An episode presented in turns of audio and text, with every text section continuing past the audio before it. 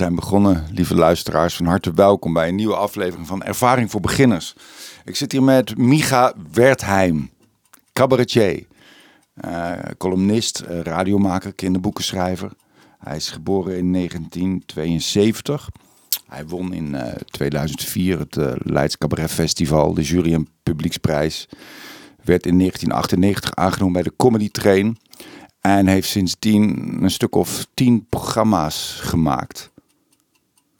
Die over het algemeen met veel lof ontvangen zijn. Veel vijf sterren recensies. Uh, fijn dat je er bent, Micha. Ik dacht, dat leest hij voor, maar dat doe je allemaal uit je hoofd. Ik doe, ik doe het gewoon uit mijn hoofd, man. Ja. Ik heb het uit mijn hoofd geleerd.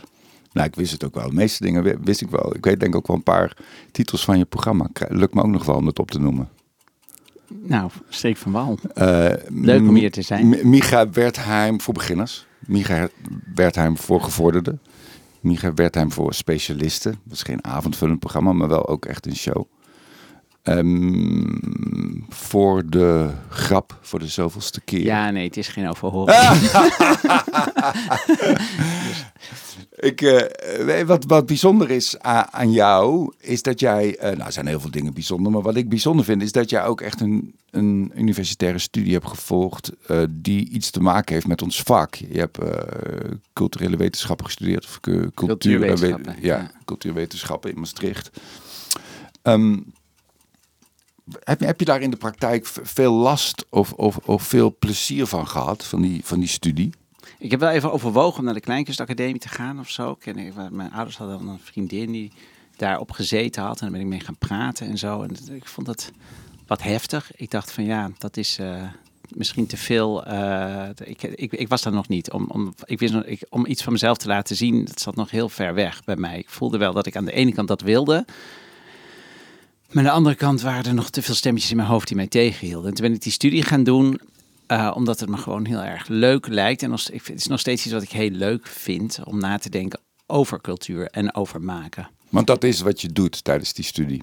Dat is eigenlijk wat je, ja, waar die studie over ging. Eigenlijk van wat, uh, ja, wat is cultuur? Of dat nou uh, wetenschaps, eigenlijk een soort antropologie van het Westen, zou je het ook kunnen noemen. Dus ja. ging een studie over van waarom doen wij zoals we doen en zijn we zoals we zijn. Ik had altijd wel een liefde voor schilderkunst en voor theater niet per se zo voor cabaret of zo, maar wel uh, ja, gewoon iets maken leek me altijd Ja. wel leuk. En ik luisterde veel radio, maar ik dacht eerst maar studeren.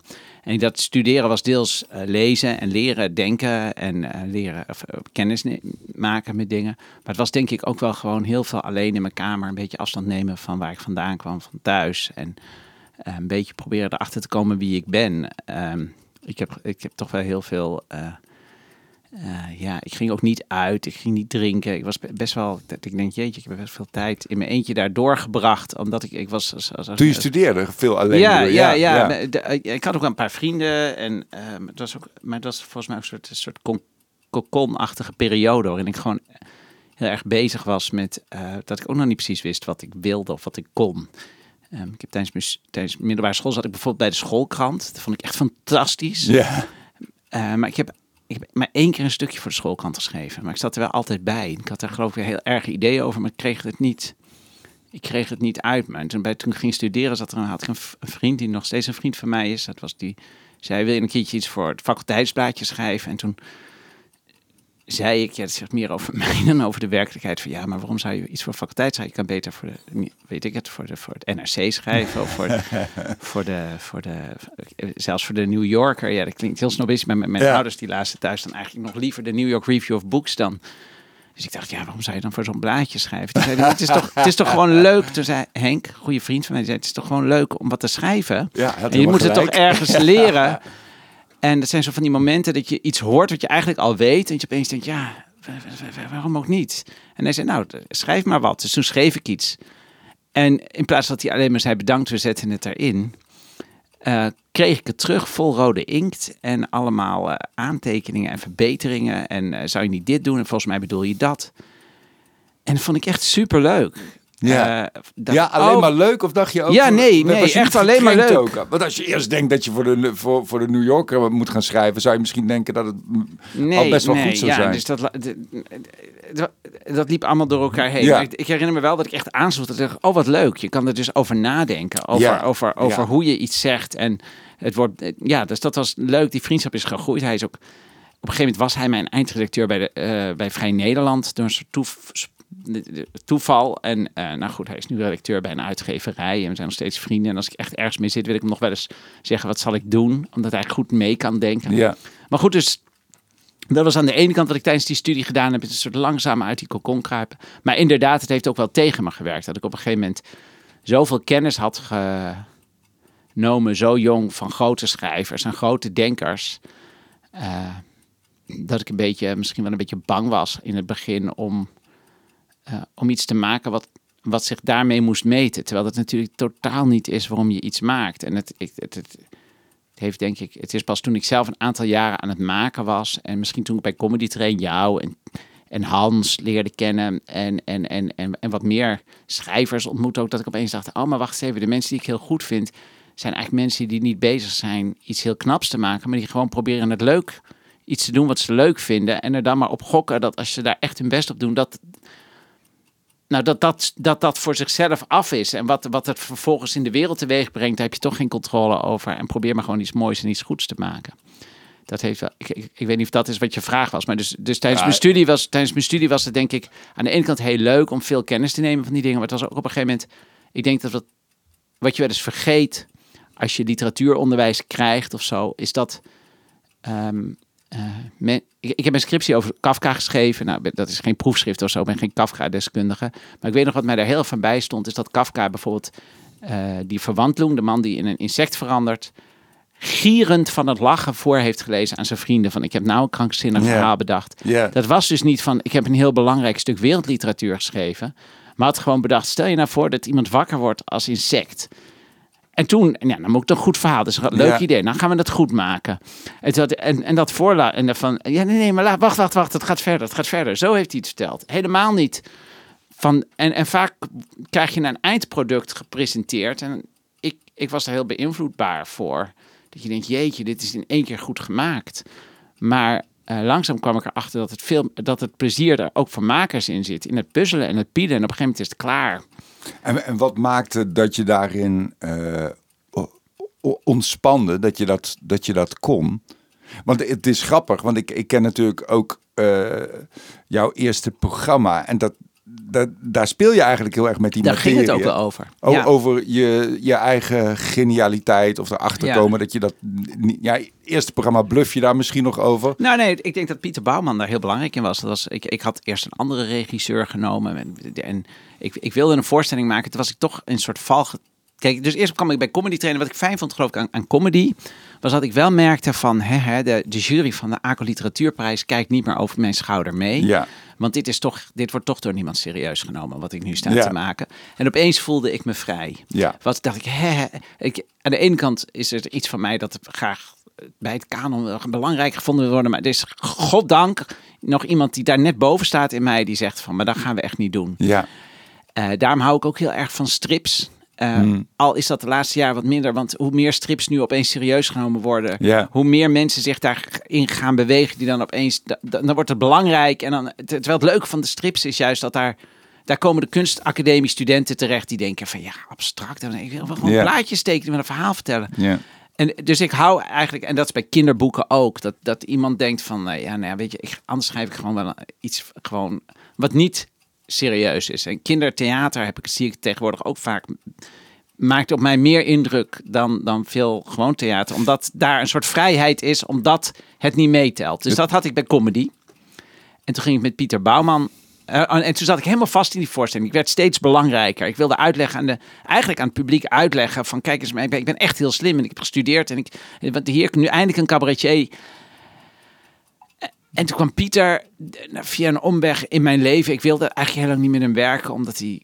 Nou, dat is eigenlijk heel relevant hiervoor. Ik had hem zien. Ik had een keer opgetreden eh, in Paradiso met een column die ik had voorgelezen. Over, eh, en dat was, vond ik een hele goede column. Was geloof ik ook een goede column. Ja. ik iets heel. eh, iets, de zaal. de strijd aanbond met de zaal was een alternatieve boekenbal. En toen riep ik wat een onzin dat was. Van waarom zou je een alternatieve boekenbal Ga zelf. Maar goed, ik had helemaal gelijk. Toen kwam Pieter naar, af, naar me toe en toen zei Pieter: Ja, ik vond het echt verschrikkelijk. Dus ik zag iemand op het podium met een stukje papier gelijk staan hebben.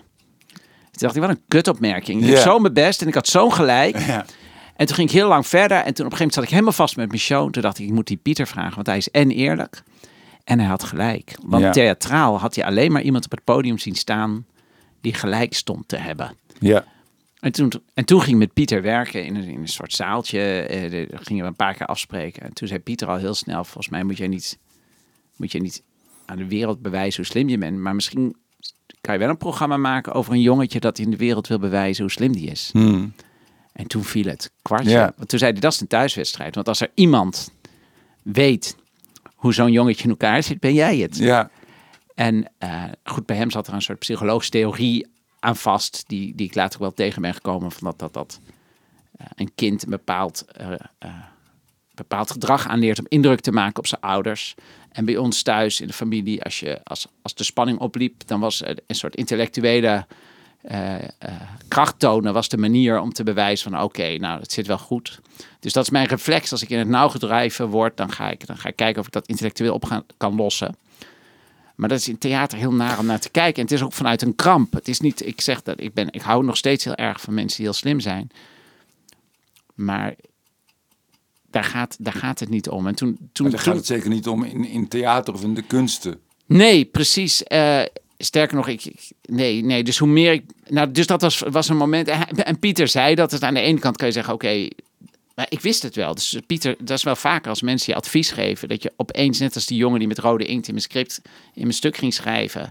voor een blaadje wat niemand leest. Ja. Was dit ook een moment dat ik opeens zeg: ja, natuurlijk. Natuurlijk moet ik niet aan de iemand. Waarom?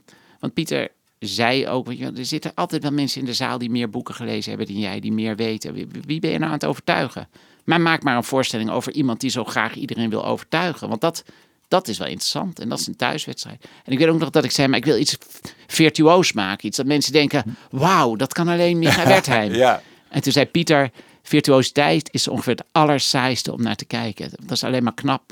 Iemand die acht ballen kan jong leren, dat is knap. En daarna denk je, ja, Ja, voor ja hem is het het is, het niet zo is moeilijk. indrukwekkend. Ja. Daar heeft hij heel erg voor. Zo, inmiddels denk ik ook wel, het is ook wel heel bijzonder dat iemand echt iets heel erg geoefend Ja. heeft. Maar daarna is het eigenlijk veel interessanter. Iemand die drie ballen probeert te jong leren en dat mislukt. En dat maar blijft proberen. Het is grappiger en interessanter. Dat je denkt, oh, en waarom wil hij zo graag? En, dat is theater voor mij, in Ja. mijn ervaring. En dan geef je denk ik ook de kijker de kans om, om te connecten met jou. Omdat we allemaal Ja. mensen zijn die, die pogingen doen en die mislukken. Ja, ik, ik weet dat jij ook fan bent van Compagnie de Koe. Hmm. En dat is een theatergezelschap, volwassen toneel. Maar dat, die, die hebben een nou boek. iets anders geloof Die- ik. Maar, eh, ja, de Hoe ja, heet ja. ze nu. En ze, die, ze hebben een, een boek uitgegeven een paar jaar geleden. Koe doet boek. En dat vond ik, dat, er is nog steeds iets in mij wat heel erg houdt van theoretiseren en nadenken over theater. Ja. Maar daarin zegt van de Eerde, Peter van der Eerde heet hij, hè? Van de Ede. Van de Ede. Ja. Ja, zie je? Ja, ik moet wel een briefje hebben als ik. Die zegt dan eh, dat je eigenlijk op het podium altijd dommer moet zijn of slemiederiger dan de zaal. Hmm. En ik weet nog wel dat ik dacht, ja, dat, toen ik dat las, dacht ik ook, ja, daar heb je gelijk in. Dus eh, het doet me altijd pijn als er wordt gezegd van dat ik zulk intelligent cabaret maak. Want dat wordt vaak dan gezegd en denk ik, ja, nee, maar dan, eh, dan heb je het niet begrepen. Dan ben je niet slim genoeg. Nee, maar ik bedoel, dan, Ja, het, is juist ja. niet, het- dat is echt niet de bedoeling. Ik, ik bedoel, ik kan, ik zit in dit lichaam, ik zit met dit hoofd. Ehm, maar de bedoeling is nooit laten zien hoe slim ik ben, hooguit om te laten zien hoe ik dacht dat ik heel slim was. En aldoende erachter komt dat ook dat eigenlijk, dat ik daar de regie niet over heb. Dat vind ik veel interessanter. ja, het is cruciaal, denk ik, wat je uitlegt. En, en eh, ge- gelukkig, ja, voor hetzelfde geld was het misgegaan. En was je een irritante bedweter geworden en had je alleen maar essays geschreven. Of een essay, daar kun je ook nog een hoop Ja, twijfel er in zijn ook hele leuke, ja precies, er zijn hele ja. leuke essayisten. Maar er, er is, ja, Maar om het theatraal te maken, is dat, is dat, geloof ik dat dat essentieel is. Dat wat je nu uitlegt. nou ja, in ieder geval het soort theater waar ik van hou. Want er is natuurlijk ook heel veel theater wat wel degelijk een soort eh, evocatie van intelligentie is. En waar de hele zaal na afloop, als ik naar, naar, naar, naar, naar toneel ga, kom ik soms na afloop naar buiten en denk ik, nou ja, iedereen ging staan en klappen aan het einde. Maar volgens mij was dit echt gebakken lucht. Dus je kan het ook chanteren. Met intelligentie kan je Zeker. mensen heel erg die indruk geven dat, dat het werkt als wapen. Ja, dat is ook wel het leuke van humor. Met humor is dat wel lastig. Omdat, omdat een lach wel een eerlijke reactie is. En als iets, iets poëtisch is of iets, eh, iets heiligs, dan kunnen mensen daarnaar kijken en denken van wauw, wat knap. En, en of, of die zijn bang dat ze het niet snappen. En, En daardoor gaan ze maar klappen Ja. en staan. En, en ja, precies. En humor en schoonheid zijn toch wel dingen die dat. Ja.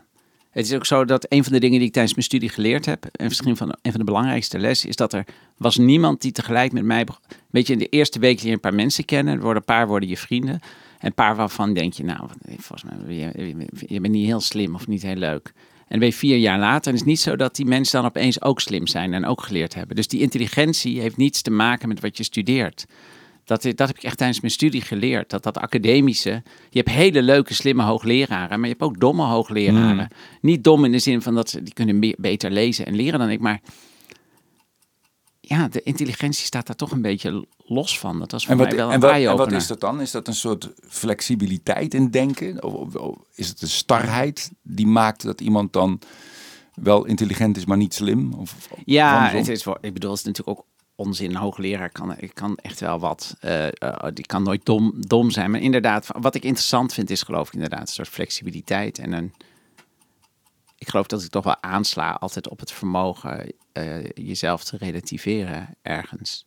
En dat kan in de wetenschap heel goed. Want wetenschap wil niks liever dan zijn eigen ongelijk bewijzen. Dat is waar het om gaat in de wetenschap. Alleen ook dat wordt op een gegeven moment in de universiteit wordt ook een machtsstructuur waarin je op een gegeven moment, zeker in de alfa-wetenschappen van, de, van letteren en zo, dan kan het heel snel iets worden van ik, ik heb de belangrijkste schrijver te pakken, dus dan ben ik belangrijker dan iemand. Ja, nou, Wat, wat, wat, ook le- wat ook leuk is waar ik aan moet denken door wat je zegt, is dat je relatief, jezelf relativeren is heel belangrijk. Maar wat heel leuk is ook, is om eerst een enorme valhoogte te creëren. Ik, ik noemde dat ooit bij- toen ik een film, eh, toen ik Billy regisseerde met Bruno van den Broeke, die ook veel bij de koe heeft gespeeld trouwens. En dat je eigenlijk in een scène iemand, dat je heel veel valhoogte moet creëren. Dus als je meteen relativeert, als je meteen de schlemiel in jezelf laat zien, dan is het alleen maar een sukkel. Terwijl als je eerst maakt dat iemand Ja. een soort hoge status krijgt of van zichzelf denkt dat hij goed bezig is en dan naar beneden flikkert, dan is de val veel eh, grappiger en spectaculairder. Snap je Ja. wat ik bedoel? Met- Ja, ja, nee, ik denk dat het wel waar is. Ja. Hey, en dat was zo'n e- heel belangrijk eerste inzicht wat je hebt verworven in, in het begin van je, van je carrière. Is er, is er daarna nog zoiets, eh, nog zo'n groot inzicht gekomen of waren, waren dat kleinere inzichten daarna? Nou, ik herinner me wat ook nog een heel belangrijk moment was. Ja, er zijn natuurlijk heel veel. Dat is het, het, eh, het gekke. Het is maar net wanneer ik het verhaal vertel. Ja. Maar wat bijvoorbeeld...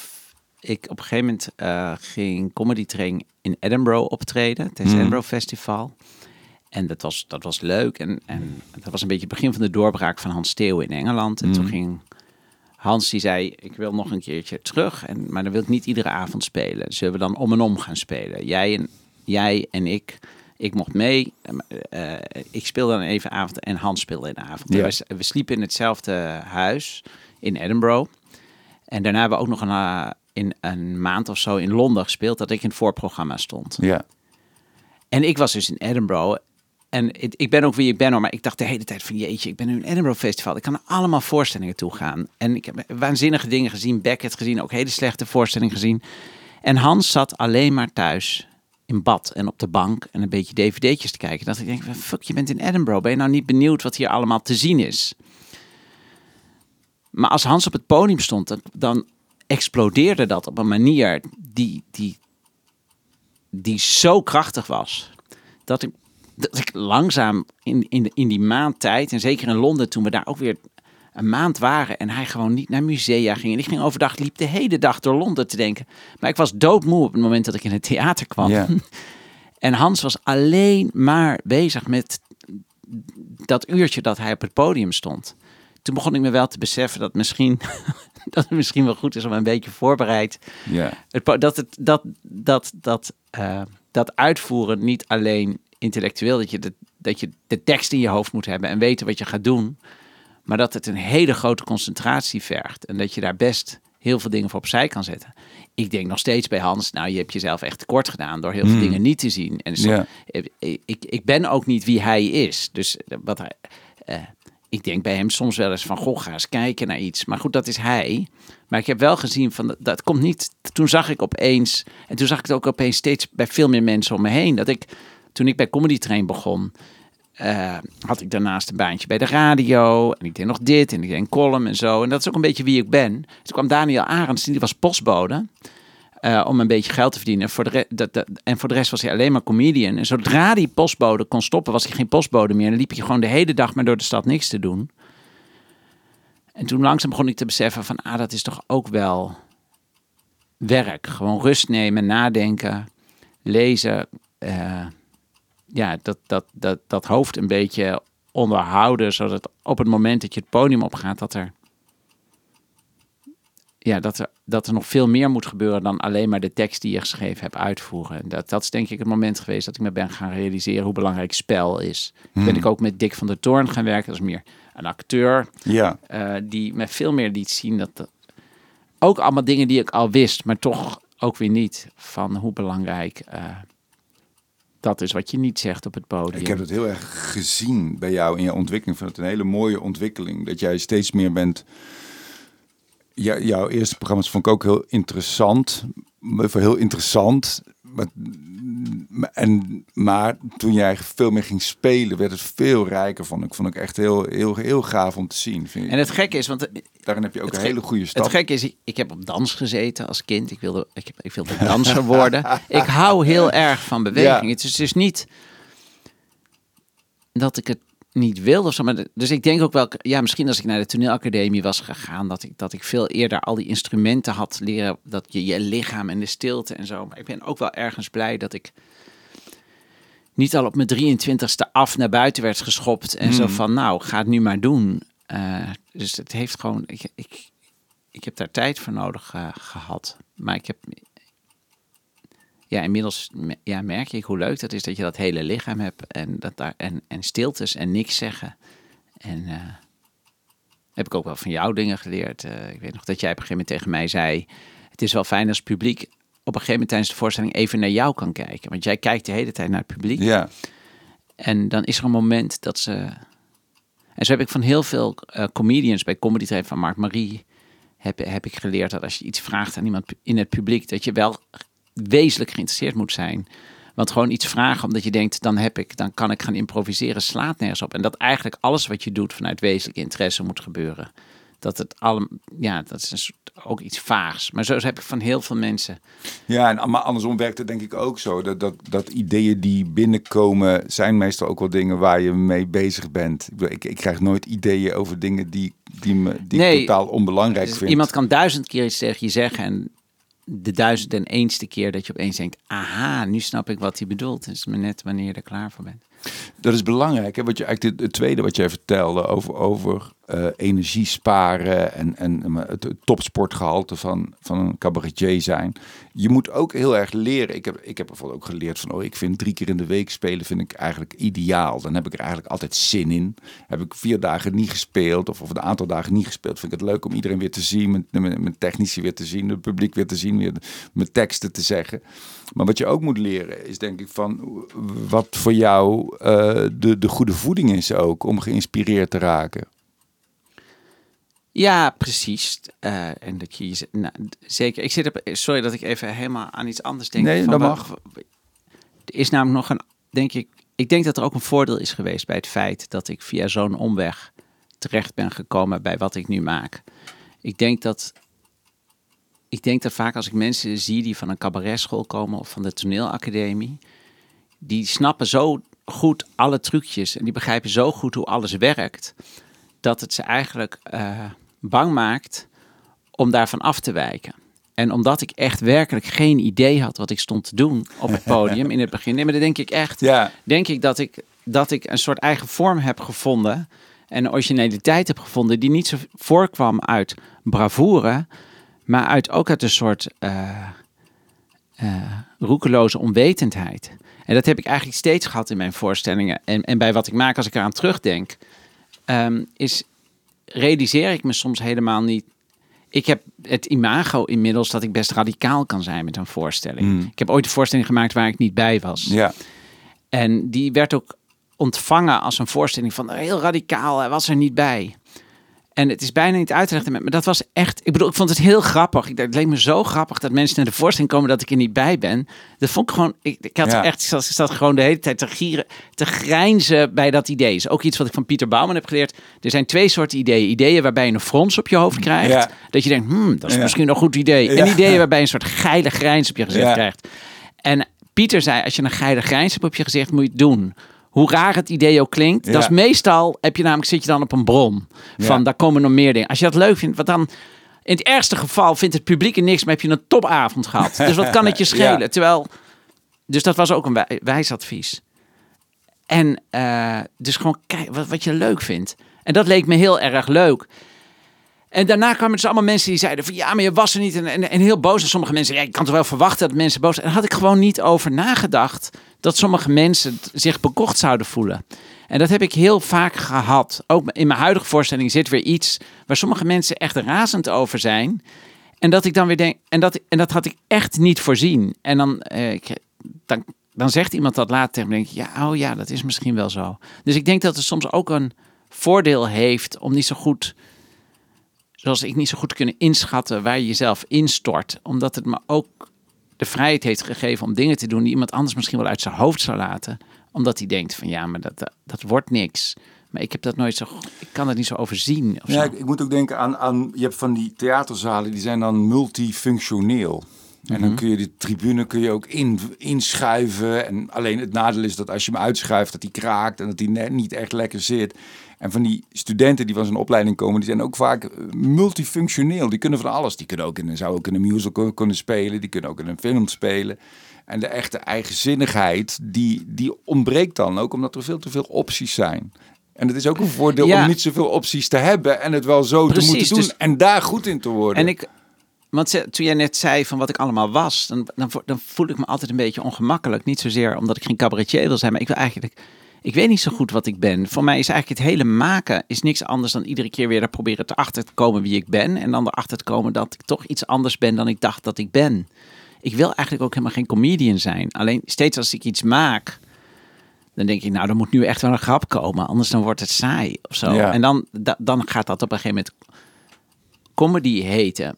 Maar, eh, dus ik heb, ik heb gewoon niet zo'n... Ik, heb wel, ik vind het wel heel leuk om iets te maken. Niet alleen vind ik het heel leuk. Ik heb ook gemerkt dat als ik het niet doe, dat ik, dat, dat, dat, dat ik helemaal vastloop. En dat ik gedeprimeerd, dat ik, dat ik in paniek raak. En dat, ik, dat de enige manier voor mij om niet gek te worden... Dat klinkt heel groot, alsof ik dan schreeuwend over straat ga lopen. Is toch wel om iets te maken. Ik vind het gewoon... En ook inmiddels weet ik ook dat ik ze nu dan moet gaan sporten. Dat het ook wel verstandig is. Het is, het is ook een beetje wie ik ben. Ik moet iets maken. En, en wat het wordt, dat blijkt dan vaak dan wel weer grappig te zijn.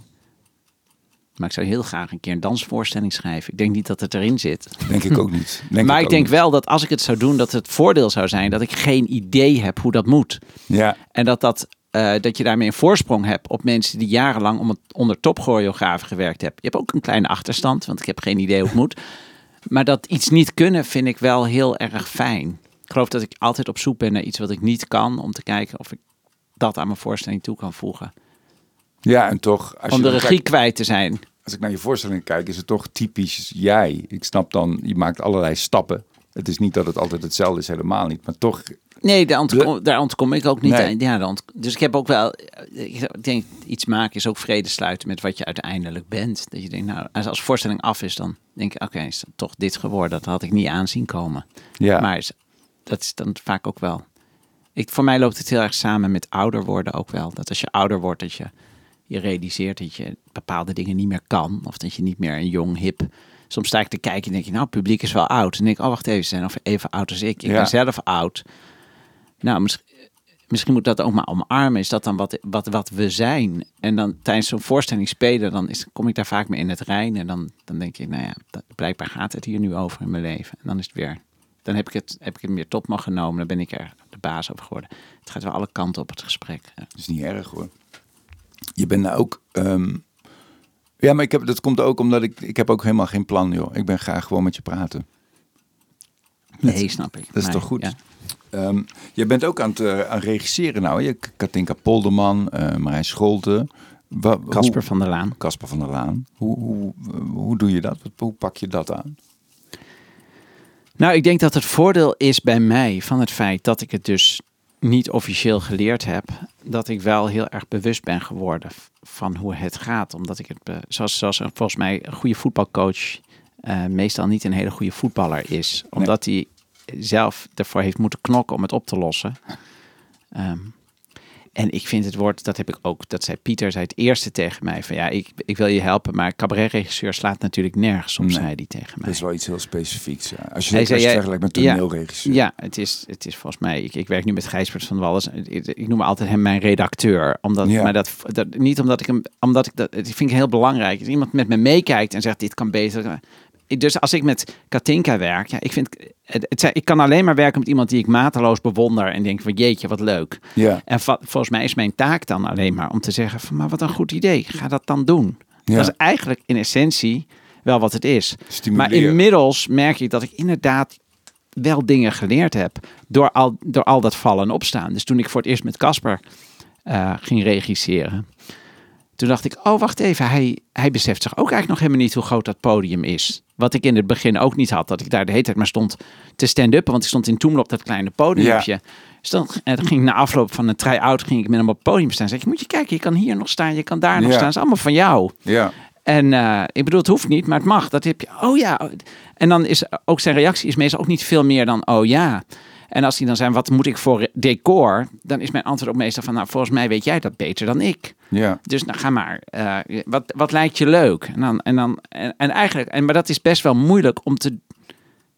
Zeker als je begint, volgens mij is het best wel eng dat je denkt, maar is dat genoeg? Wat ik leuk vind, is dat genoeg? Hm.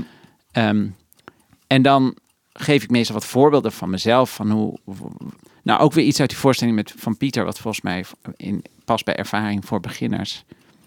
Ik weet nog dat ik helemaal vast zat met die voorstelling. Het was drie weken voor de première dat ik de eerste voorstelling. Ja. En dat Helga, mijn impresario, dat is ook natuurlijk heel belangrijk. Iemand die over je schouder meekijkt en zegt: Volgens mij moet je nu stoppen met deze regisseur. Dit gaat niet, Micha. Ik hoor je nu zoveel twijfelen. Dat is wat Helga en de andere impresariaten hopelijk ook doen. Die bemoeit zich niet met, met mijn regieproces, maar die zegt wel op een gegeven moment: Volgens mij moet je eens met iemand anders gaan praten. Want ik zie dat je rondloopt. Dus een soort, een soort coach op afstand. Daar heb ik heel erg Ja. mee geboft. Dat ik allemaal mensen tegen ben gekomen die mij ze nu dan advies gaven. Henk, die, die, die mij leerde wat Ja. redigeren was. En, en bij Comedy Train allemaal mensen. Die, Mark Marie die mij erop wees dat je soms ook een complimentje moet geven aan iemand anders. Dat je daar zelf van groeit. Klinkt allemaal heel esoterisch. Maar dat was... Nou, en toen ging ik dus met Pieter werken. Omdat Helga zei, volgens mij gaat het niet goed. Moet je... En toen dacht ik, nou laat ik toch Pieter maar proberen.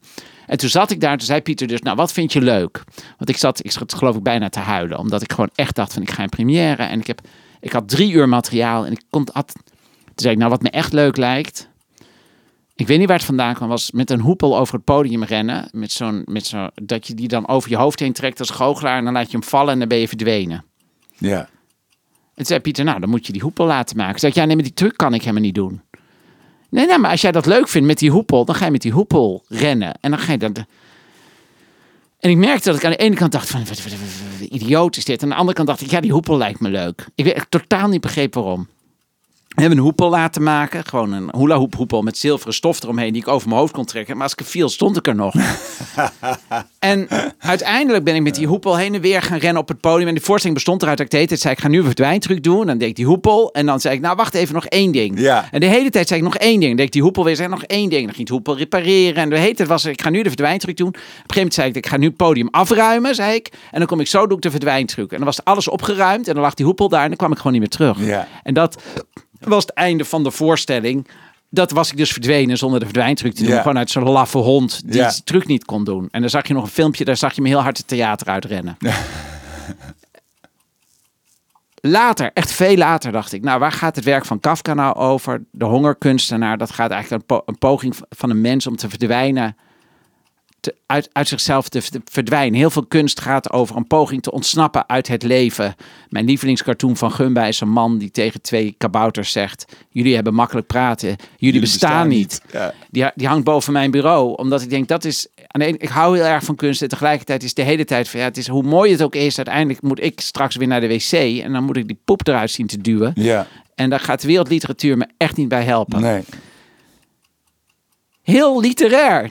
Maar dus die hele verdwijnkunst, dat was een heel literair thema. Ik had echt geen idee. Nee. En ik heb het ook niet gedaan daarom. En dat is een soort bijvangst. En dat is een soort, een soort magie van iets creatiefs bedenken. Dat als je gewoon doet wat je leuk vindt, dan blijkt daar echt vaak wel heel veel betekenis in te zitten. Daar moet je niet zo bang voor zijn. En als er geen betekenis zit, is er ook niet erg. Maar als je weet wat het betekent, zit je eigenlijk al op een dood spoor. Want dan, dan, ja, dan is er ook geen reden om het te doen. Dus daar moet je iets proberen te verzinnen waarvan je denkt, ik weet niet wat het is, maar ik wil dat doen. En dat heb ik bijvoorbeeld tegen Casper, zei ik van, nou wat voor decor. En toen kwam hij met iets hagerigs. En uiteindelijk past het helemaal bij zijn voorstellingen wie hij is. Dat had ik niet kunnen bedenken, maar ik heb hem wel kunnen helpen. Dus bij Ja. regisseren is dat, bij Katinka, die houdt heel erg van knutselen. Toen zei ik van, kunnen we dan niet iets verzinnen waardoor dat knutselen in de voorstelling zit? Want dat, daar voel je je thuis. Dat is voor jou een thuiswedstrijd. Ik zie jou de hele tijd leuke kaartjes sturen en dingetjes maken voor mensen. Eh, en zo, zo probeer ik dat te doen. Maar niet door te zeggen van volgens mij eh, moet je nu van links opkomen, ga iets meer naar achter staan. Dat is, dat is, dat is het ingewikkelde. Hè? Dat, dat ideeën zijn hele kwetsbare entiteiten. En de kunst is ook om die, en dat doe jij blijkbaar ook als regisseur, om die te verstevigen en, en zo overtuiging te creëren.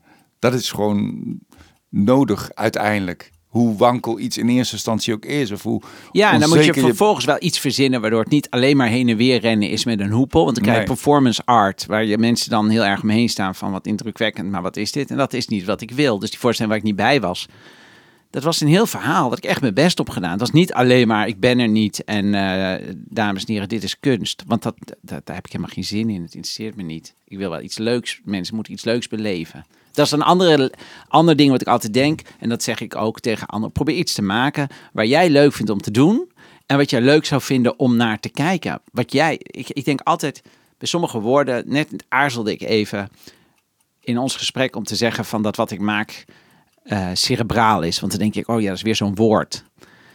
Eh, cerebraal, is, misschien sommige mensen denken, wat bedoelt hij daarmee? Dat het, dat het meer vanuit mijn hoofd zit. Ja, ik heb op het podium besloten van als zo'n woord mij te binnen schiet, dan gebruik ik dat woord. Want ik ga ervan uit dat ik in de zaal zit. Ik ken dat woord en dat ga ik doen. Ik ga niet. En dat is misschien is dat. Dan, dan, voel ik, dan ben ik het happieste op het podium. En soms wek ik daardoor de indruk mensen misschien van mij te vervreemden of elitair te zijn. Ik kan ook niks aan doen. Dat woord zit in mijn vocabulaire. en je wilt niet de moeite nemen om een alternatief een, eh, te, te kiezen wat, wat iedereen Nou, omdat dat wil ik soms best doen, omdat ik soms denk, je wil natuurlijk die zaal erbij bij hebben. Maar aan de andere kant denk ik van, ja, maar ik maak de voorstelling voor een hele zaal vol Miga's en één iemand die slimmer is dan Miga. En Ja. ik moet, dus dan, dan, dan weet je al dat je geen indruk kan maken. Want als iemand, ik, alles wat ik weet, weet Micha ook. Dus ik, kan zeggen van, nou, ik heb Schopenhauer gelezen. En dan zit er voor mij een hele zaal die zegt, dat boek hebben we ook gelezen. Eh, en er zit er één die heeft echt Schopenhauer gelezen. Ja. Want ik heb natuurlijk maar een hoofdstuk gelezen. Ik Ja. weet er eigenlijk niks vanaf. Eh, Dus, ik, dus dan, dan houdt het op om intelligent te willen zijn tegen je publiek. Want er zit altijd iemand die slimmer is. Als dat je uitgangspunt is. Maar dat zit naar onder toe ook. Dat ik, dat ik wel heb besloten van ja, ik, ja, als ik het wil hebben over een onderwerp. Wat, ik heb nou een klein grapje over, over Bauhaus in mijn voorstelling. Ik vind het een heel leuk grapje. Eh, nou, ik weet dat niet iedereen Bauhaus kent. Maar ik vind Bauhaus leuk en interessant. En grappig. En denk ik, nou, dan doe ik dat grapje. Eh, en, de- het, eh, en ik ge- geloof wel heel erg dat na verloop van een tijdje een publiek krijgt dat daar ook wel bij aansluit. Dat je ook wel moet vertrouwen dat er veel meer mensen zijn die echt wel weten wat Bauhaus is. En ook mensen die dat niet weten, misschien na afloop denken, zoek ik eens op. Het maakt ook verder geen reet uit. Want ik, ik zeg het niet om indruk te maken met Bauhaus. Dat grappetje gaat over van die witte oortelefoontjes. Van die koptelefoontjes die in je oor hebt. Dat daar een voorstelling in zit. En dan zeg ik een hele kleine podcastvoorstelling met twee Bauhaus poppetjes. Want die oortelefoontjes lijken op Jan Klaas en Katrijn ontworpen door Bauhaus. Het is helemaal niet om indruk te maken. Het is onzin. Ja. Maar ja, ik ga, hem er niet, ik ga hem er niet uit. Nou, ik weet niet, het is niet intelligent. Nee. Alleen als je referentiekader, als je Bauhaus niet kent, dan is het inderdaad geen leuke grap. Maar ik kan ook niet aan doen dat ik Bauhaus ken. Zoals iemand anders misschien een voetballer kent die ik niet ken. Of een influencer die ik niet ken. Ja, Ja, dat- toch is dat iets waar ik meer mee worstel dan jij. Ik vind het heel goed dat je het, dat je het zo aanpakt. Of er is geen goed in slechter. En ik vind dat heel goed. Ik speelde laatst ergens en toen, toen had ik het ermee. Dan leg ik dat LHBTQ-alfabet uit. Ja. En En toen vroeg ik ook aan iemand van eh, of die wist wat queer betekende. En best wel veel mensen hebben helemaal geen idee. En sterker nog, die hebben daar nog nooit van gehoord. Als ik in Vechel speel. En ik was best wel verbaasd. Dat ik dacht van, hè? En een dag later liep ik over straat met een koptelefoon op. En toen vroeg iemand aan mij van wat voor muziek ben je aan het luisteren? En toen zei ik van, eh, nee, ik ben geen muziek aan het luisteren. Ik ben een podcast aan het luisteren. En die zei, een wat? En die had nooit van een podcast gehoord. Dus ik denk soms ook van, waar zit ik nou ook in een hele rare... Nee, dat, dat, dat zit je ook, Ja. natuurlijk. En zelfs als je... Maar eh, misschien is dat ook wel omdat ik... Kijk, als in Toomler eh, soms over bekende Nederlanders wordt gepraat, dan ken ik die niet. Ja, En ik, ik, ik, daar heb ik dan wel vrede mee. Ik heb bijvoorbeeld, bijvoorbeeld ik, ik kijk graag, graag naar Amerikaanse comedy en zo, vind ik leuk. ja. En dan, en dan gaat het vaak over Mickey Minaj. Ik heb geen idee wie dat is. Ik vind het een hele leuke naam. En er wordt dan heel hard gelachen. En dan denk ik, nou ja, het zou misschien een keertje op moeten zoeken. Of ik kan er ook niks aan doen. Het zijn gewoon mensen Ja. die ik niet ken. Ja. En, dan, en dan denk ik, nou, dat doe ik ook. En ik ga me niet schamen voor. Ja, ik kan er ook niks aan doen dat ik dan Bauhaus een keer gezien heb. Nee, En ik vind het ook altijd wel lekkerder om, om dingen te lezen en dat ik iets niet snap of niet weet. Of Ja, dat, dat precies. je, dat Dat je vind een ik ook. beetje Vind- op je ja, tenen precies. moet gaan Dus- staan om, maar om dat, ergens dus bij dat te is kunnen. wel voor mij geloof ik altijd wel. Ja. En maar het is ook een soort. Ook weer, het is ook weer geboren uit gewoon onmacht om aan te voelen wat mensen wel en niet kunnen en herkennen en zo. Dat ik denk, laat ik maar gewoon doen wat ik ken en leuk vind. Dan hoef ik me daar ook niet over druk te maken. Het scheelt zo verschrikkelijk veel. Ja, ik vond het heel mooi in, in jouw huidige voorstelling. Die heb, ik, al gezien. Eh, Die vond ik geweldig. En die, da- daarin leg je eigenlijk ook uit, of, of vertel je, dat je eigenlijk ook weer een soort construct hebt bedacht om, maar misschien citeer ik je nou verkeerd, om niet op geen oprecht contact te maken met het publiek. Zoiets. Ja, ja, ja het is, maar het is ook eigenlijk meer een grap. Want ik Ja. vind dat ik wel contact maak met het publiek en zo. Maar het is, ja, god. Ik voel natuurlijk wel zo nu en dan de spanning. Ik ben, en, en, hey, als je nou over doorbraak hebt in mijn, in mijn eh, leerproces. Was ik in Toomler was ik vier jaar lang was ik echt degene waar alle comedians van dachten van oh god Micha speelt hoe gaan we daarna de sfeer weer omhoog trekken? nee, ja, je hebt mensen die binnenkomen bij Comedy Train en die meteen mogen afsluiten, zoals Ja. Mark Marie en Daniel Arends. Dat iedereen denkt van, jezus, wat staat er nu weer op het podium? Ja. En ik was echt van, oh mijn god, wat moeten we daarmee? Eh, en er waren een paar mensen die het dan wel in mij zagen, goddank. Ehm, en toen was het, eh, ik weet niet meer waar ik heen wil met het verhaal. Maar, eh, oh ja, toen kwam ik het podium op op een gegeven moment. En toen had ik de grap dat sommige mensen vinden mij arrogant, maar daar spuug ik op. Ja. En toen moest de zaal zo hard lachen dat ik dacht, ah, wacht even. Zij zien mij dus als een heel pedant, arrogant mannetje. Maar door deze grap te maken, laat ik zien dat ik ook echt wel zie Ja. dat ik dat ben. En toen was het ijs gebroken. Ik weet nog dat Wouter Meijs, dat was een soort, Ja. een De lange, legendarische Wouter Meijs. wa- wa- wa- een licht autistische jongen die bij Comedy Train auditie deed. En die zat, stond auditie te doen. En iedereen zat te kijken van, is deze jongen nou geniaal of gek? En net op dat moment zeiden, ja, ik ben namelijk knettergek. Ja. En dat was zo'n ontlading, omdat we, dat was wat iedereen op dat moment dacht. Ja. Maar omdat hij het zei, eh, ja, was het opeens van, oh ja, ik, dat herken ik wel, dat Ja. ik knettergek ben. Ehm, Want als ik dat vertaal naar, dat is de associatie die ik heb, naar de, de, de pop en de poppenspeler. Laat je dan even ook de poppenspeler zien? Maar ja, dat, dat is geloof ik. Ik geloof dat mijn, mijn grote wens is altijd om iets te maken wat bij wijze van spreken alleen maar poppen is en nooit de poppenspeler te laten zien. Alleen omdat ik denk dat vind ik fantastisch. Als ik ergens naar, naar een, een boek lees en het is gewoon helemaal echt en ik geen moment denk waar gaat het over. Maar stiekem sla ik toch altijd aan op dat je, dat je de hele tijd ook ziet, maar er zit iemand dit boek te schrijven. En er, zit, Ja. er staat iemand op het toneel dit te spelen. Ik vind een acteur ook altijd het. Mijn, dat eerste stuk wat ik schreef voor Henk in de schoolkrant ging over. eh, ik, had, ik weet niet, bij God niet waarom ik daarover besloot te schrijven. Over het belang van flirten in de kunst. En had ik als voorbeeld Sean Connery, die James Bond is. Maar ook de hele tijd jou aankijkt van. Maar ik ben natuurlijk Sean Connery. Maar goed, ik ben James Bond.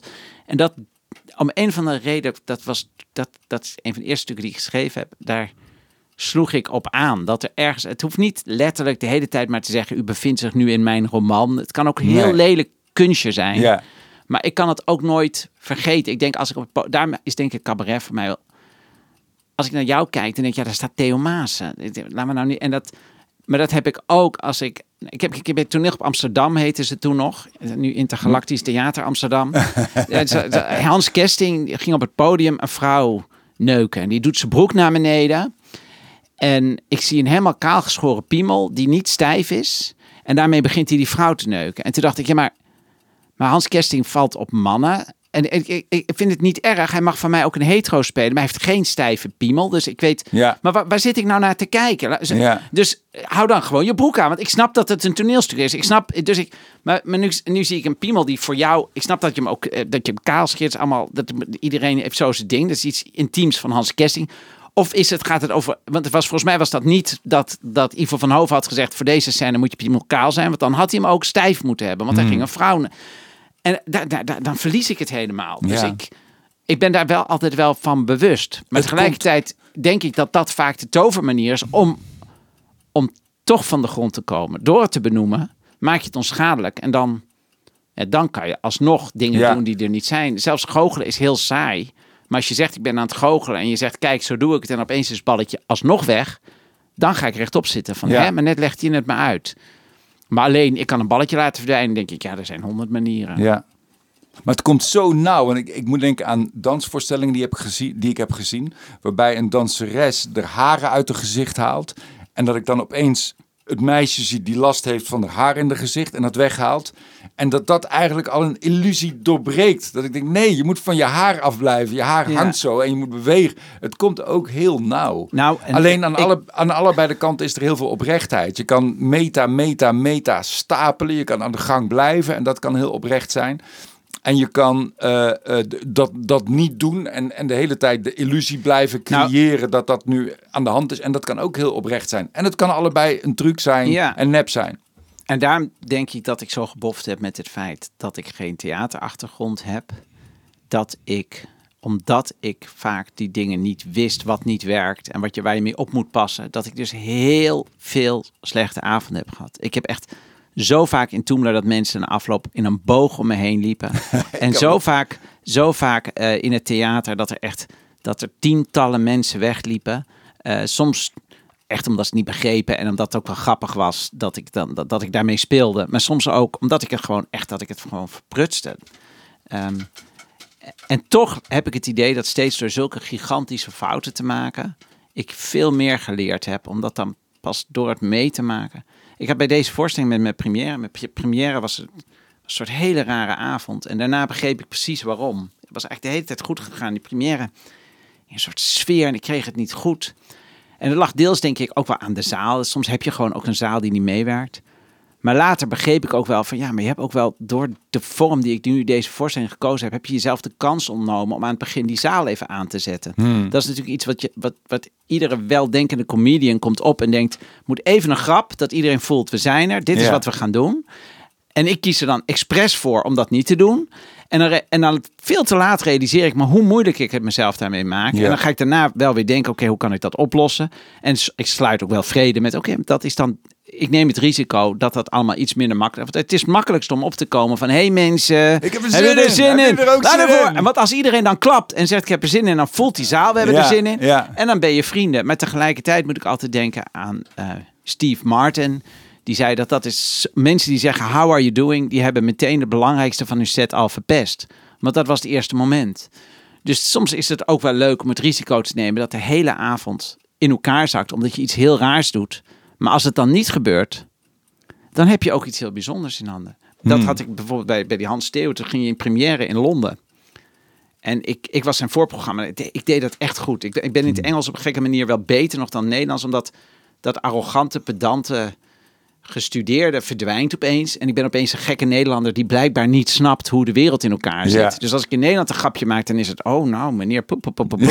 En in Engeland is het... Dan zei ik van ehm, people with mongoloid syndrome.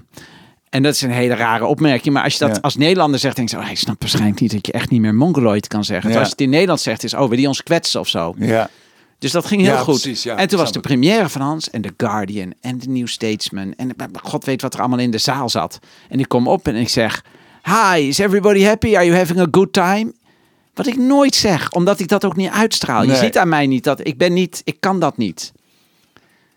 Nou, dat was een hele goede les. Maar er is geen recensent die na afloop dacht van die jongen in het voorprogramma moeten we ons ook onthouden. Terwijl alle andere avonden was ik echt goed. Ja. dus ik, ja, je leert ook wel van dat soort dingen. Howard, ja. Nee, vertel. Nou, Howard Komproe is nog zo iemand die bij Comedy Train eh, mij daar heel veel over geleerd heeft. Over hoe je, eh, als je presenteert, dat je niet kan zeggen van heb je er zin in als je er zelf geen zin in hebt. En dat je niet kan zeggen van mensen klap even als je het niet gelooft. Dan, dan moet je dat ook vinden. En als je dat niet vindt is ook niet erg. Je kan ook zeggen ik heb de pest in. Dan kom je op en zegt nou ik heb de pest ik heb geen leuke avond. Als het maar eerlijk is. En dat betekent niet dat je als je echt de pest hebt, dan moet je niet het podium opkomen. Je kan, dat kan je ook zeggen. Van, ik, jongens, ik speel vanavond, ik heb de pest in. Het is, niet, het is ook weer niet zo dat je gewoon altijd maar eerlijk kan zijn. Maar dat, dat, al die dingetjes heb ik moeten leren door te ondervinden. En heel veel fouten te maken. Dat verhaal gaat over Larry David. Hè? Toen Larry David nog stand-up comedian Ja. was, dat hij opkwam naar het publiek, ke- keek en zei, nee. En hij weer wegliep. En weer wegliep. Zo ja. van, nee. Maar ik denk dat dat, ik denk dat dat wel ook wel weer heel. eh, ja, uiteindelijk iets heel erg iets oplevert. Dat alles of niets. Ehm, Maar- jij, jij hebt dat wat meer. Jij, wil nog wel, jij hebt wel eens een paar keer een voorstelling stilgelegd. En het niet meer, dat je dan boos wordt op het publiek en zo. En ik, denk dan altijd van. Aan de ene kant denk ik van ja, jeetje jongen, hoe kan je nou boos worden op het publiek? Er zat één iemand in het publiek. Maar dan denk ik wat langer, denk ik, ja, als jij niet meer kan spelen, kan je niet meer spelen. Dan kan je nog. eh, Het, het moet nooit. Dus ik snap, ik, snap, ik snap dat wel. Ik ben altijd wel jaloers op dat idee dat mensen echt alles of niets. Van nee, nou ja, dan trek ik de stekker uit, dan cancel ik de hele tour. Maar ja, als je dat te vaak doet, dan. Ja. Er zit een soort tussen. Hey, en wat maakte, want ik, ik heb me dat niet zo gerealiseerd, dat jij zo lang gestruggeld hebt ook in, in Toemler. En wat, wat maakte dat jij, dat jij niet opgaf en dat jij, dat jij toch doorging? Had je toch deep down veel vertrouwen dat je wist dat het goed zou komen? Of, Ik had een hele goede auditie. Toen Ja. had ik namelijk geen idee wat ik deed. Was dat jouw van- eerste editie? Want ik las dat Ja. je pas de tweede keer Nee, nee, het was niet eens auditie. Een open Ja. podium. Een Ja. vriend van mij had gezegd, moet je dat doen? En ik was, was had gestudeerd. Ik ging naar Maastricht. Ik denk, nou, weet je wat? Eh, eh, die vriend zei, Franklin, die zei van, jij moet een keer in Toemler het open podium doen. Dan schrijf ik je wel in. Eh, en Jelka van Hout, die was, daar had, was toen zijn vriendinnetje, die kwam toen ook. En er waren nog wat mensen. En ik, nou, toen ging ik daar... ging ik daar doen. Ik had een paar goocheltrucs meegenomen, want ik goochelde wel. Ik dacht, weet je wat? Als het dan mislukt, zeggen mensen na afloop in ieder geval dat die goocheltruc goed was. Nou, dat ging allemaal heel goed. Iedereen lachen. Raoul Heertje, Erik van Sauers en Howard Komproe na afloop. Dit doe je vaker of niet? En ik denk, oh, dit kan ik. Nou ja, ik was afgestudeerd. Ik, ik, zei, nou ja, als ik in Amsterdam kan wonen, dan eh, wil ik best dit vaker gaan doen. Het was echt, meer was het niet. Ja. En toen zei ze, nou wat leuk. En toen, nou, je- toen kwam, ging ik met Raoul lunchen. En die zei, nou je hoeft alleen maar auditie te doen. En dan komt het allemaal goed. En toen deed ik auditie. En alles wat ik deed, niks werkte. En iedereen zat mij aan te kijken. En toen schijnt Raoul gezegd te hebben, nee, we moeten hem echt nog een kans geven. Ehm, maar ik had... Ik kon niet herhalen. Ik kon niet iets wat ik één keer bedacht had nog een keer doen. Want ik dacht, ja, maar dit heb ik al een keer gezegd. Ja. Eh, op een hele primaire manier Ja. niet snappen wat theater is. Ja. Ehm, maar het was ook, denk ik, een soort persoonlijke therapie. Dat ik in het begin nog iets wilde halen bij het publiek. Dat ik wilde dat ze mij leuk zouden vinden. Of dat ik wilde dat ze mij aardig zouden vinden. En dat ik ergens wel wist, was dat dat toch niet is wat je moet komen doen. Je moet iets brengen. Maar dat je moet iets aan, aan hun willen geven. En niet niets willen hebben van hun. En dat is natuurlijk raar bij comedy. Want je wil natuurlijk dat ze lachen. In het begin dacht ik, als er meisjes op de eerste rij aan het lachen waren om een grap van mij, dacht ik, oh god, er zitten weer meisjes mij uit te lachen. En dan s'avonds in bed dacht ik, oh, maar ze hadden natuurlijk gewoon een kaartje gekocht voor een comedyavond. Ja. Misschien lachten ze gewoon om mijn grap. Dus er Ja. zit heel veel onzekerheid en, en, en een heel moeilijke relatie tot hoe ik me verhoud tot andere mensen. En ik denk dat ik wel ergens dacht van voor mij om verder te kunnen in dit leven. Ik heb daar voor de correspondent tijdens corona een groot stuk over geschreven. Dat ik ergens me realiseerde dat. Ik ben opgegroeid met ouders met heel veel wantrouwen tegen Nederland. Dat had te maken met de oorlog. Het was niet Ja. voor niks dat ze New York Review of Books lazen. Dat was niet alleen snobisme, maar ook omdat New York niet besmet was met wat er in Europa was gebeurd. In, in Europa was voor mijn ouders meer, veel meer dan voor mij.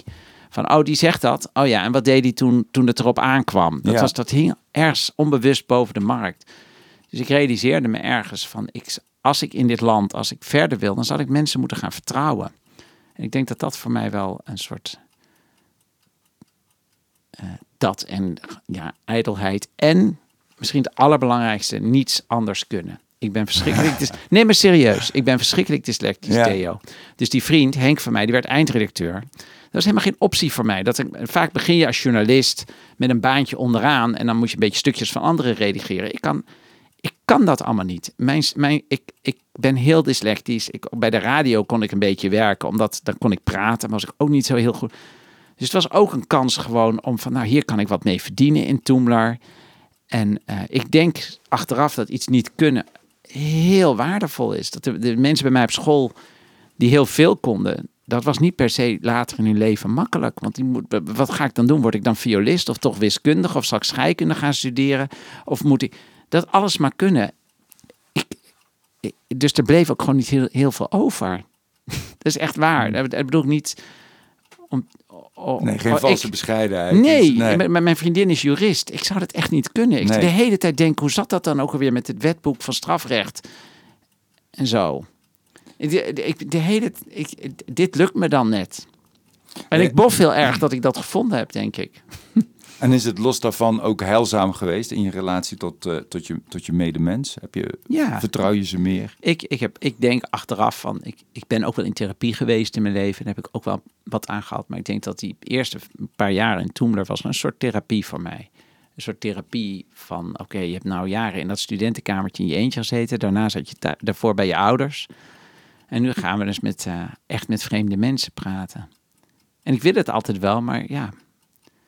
Dus ja, ik denk dat, ik, dat, het- dat het me wel geholpen heeft. Ja, nu zou de wekker moeten gaan. Ja, dat zou een mooi einde zijn.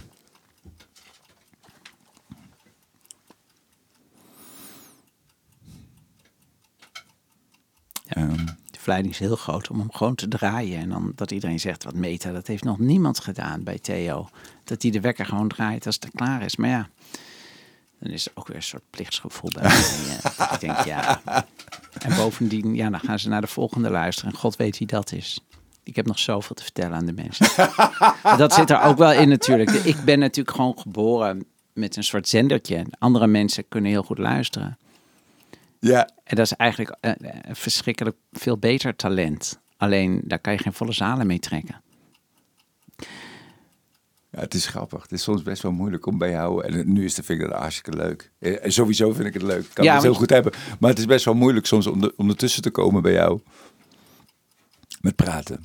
Ja, dat weet ik. En dat is op podium wel makkelijk. Ja, ja, ja. Dan heb je gewoon lekker twee uurtjes de tijd. Het lukt me ook nooit om een voorstelling van een uur en een kwartier te maken. Terwijl ik dat echt de, absoluut de maximum tijd vind die een voorstelling mag duren. Die je zelf kan verdragen als je in de zaal zit. Het is niet helemaal waar, Nee. maar het is wel een beetje waar. Ja. Jij vond het ook in het begin ook wel ongemakkelijk om naar mij te kijken, toch? Nou ja, ik ben wel, want ik heb vanaf jouw eerste voor, ik heb misschien één voorstelling van de tien ni- niet gezien, zal ik te denken toen ik het zo langs ging, maar ik heb bijna, dus bijna alles gezien. En ja, ik heb het toch altijd wel heel erg fascinerend gevonden vanaf, vanaf het begin. Ik weet nog dat ik in, ergens in Limburg die voorstelling heb gezien dat je uit die koelkast dook, eh, eh, kwam in je, in je onderbroek en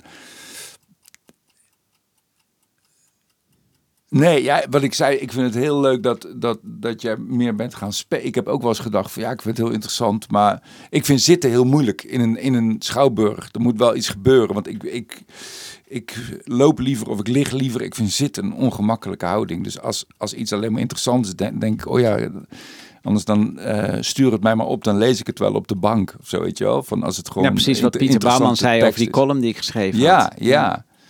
En als iets gaat leven en stromen, dan, dan blijkbaar, zonder dat ik dat zelf doe, ga ik me daarmee verbinden. En dan verdwijn ik ook een beetje uit mijn... Eigenlijk wil ik ook verdwijnen. Zo, als, als, als kijker wil ik ook verdwijnen. Ik wil gewoon meegetrokken Maar waarom regisseer jij niet?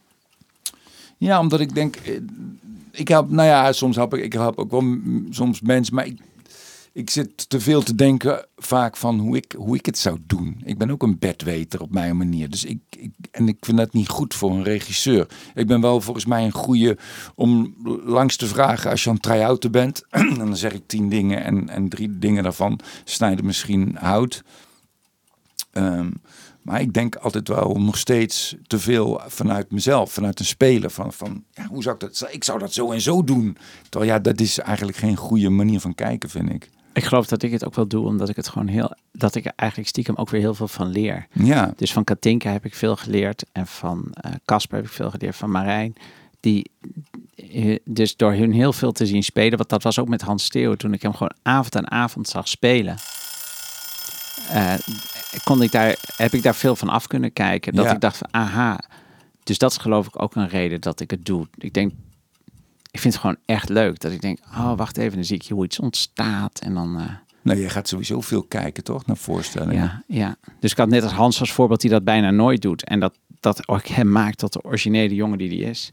Maar voor mij is dat onbegrijpelijk. Dat, als- dat, dat, ja, ik, moet alle, ik wil heel veel dingen zien. Het is leuk en te lezen. Daar word ik vrolijk van. Dankjewel. Podcast luisteren. Ja, dankjewel man. Dankjewel. Bedankt.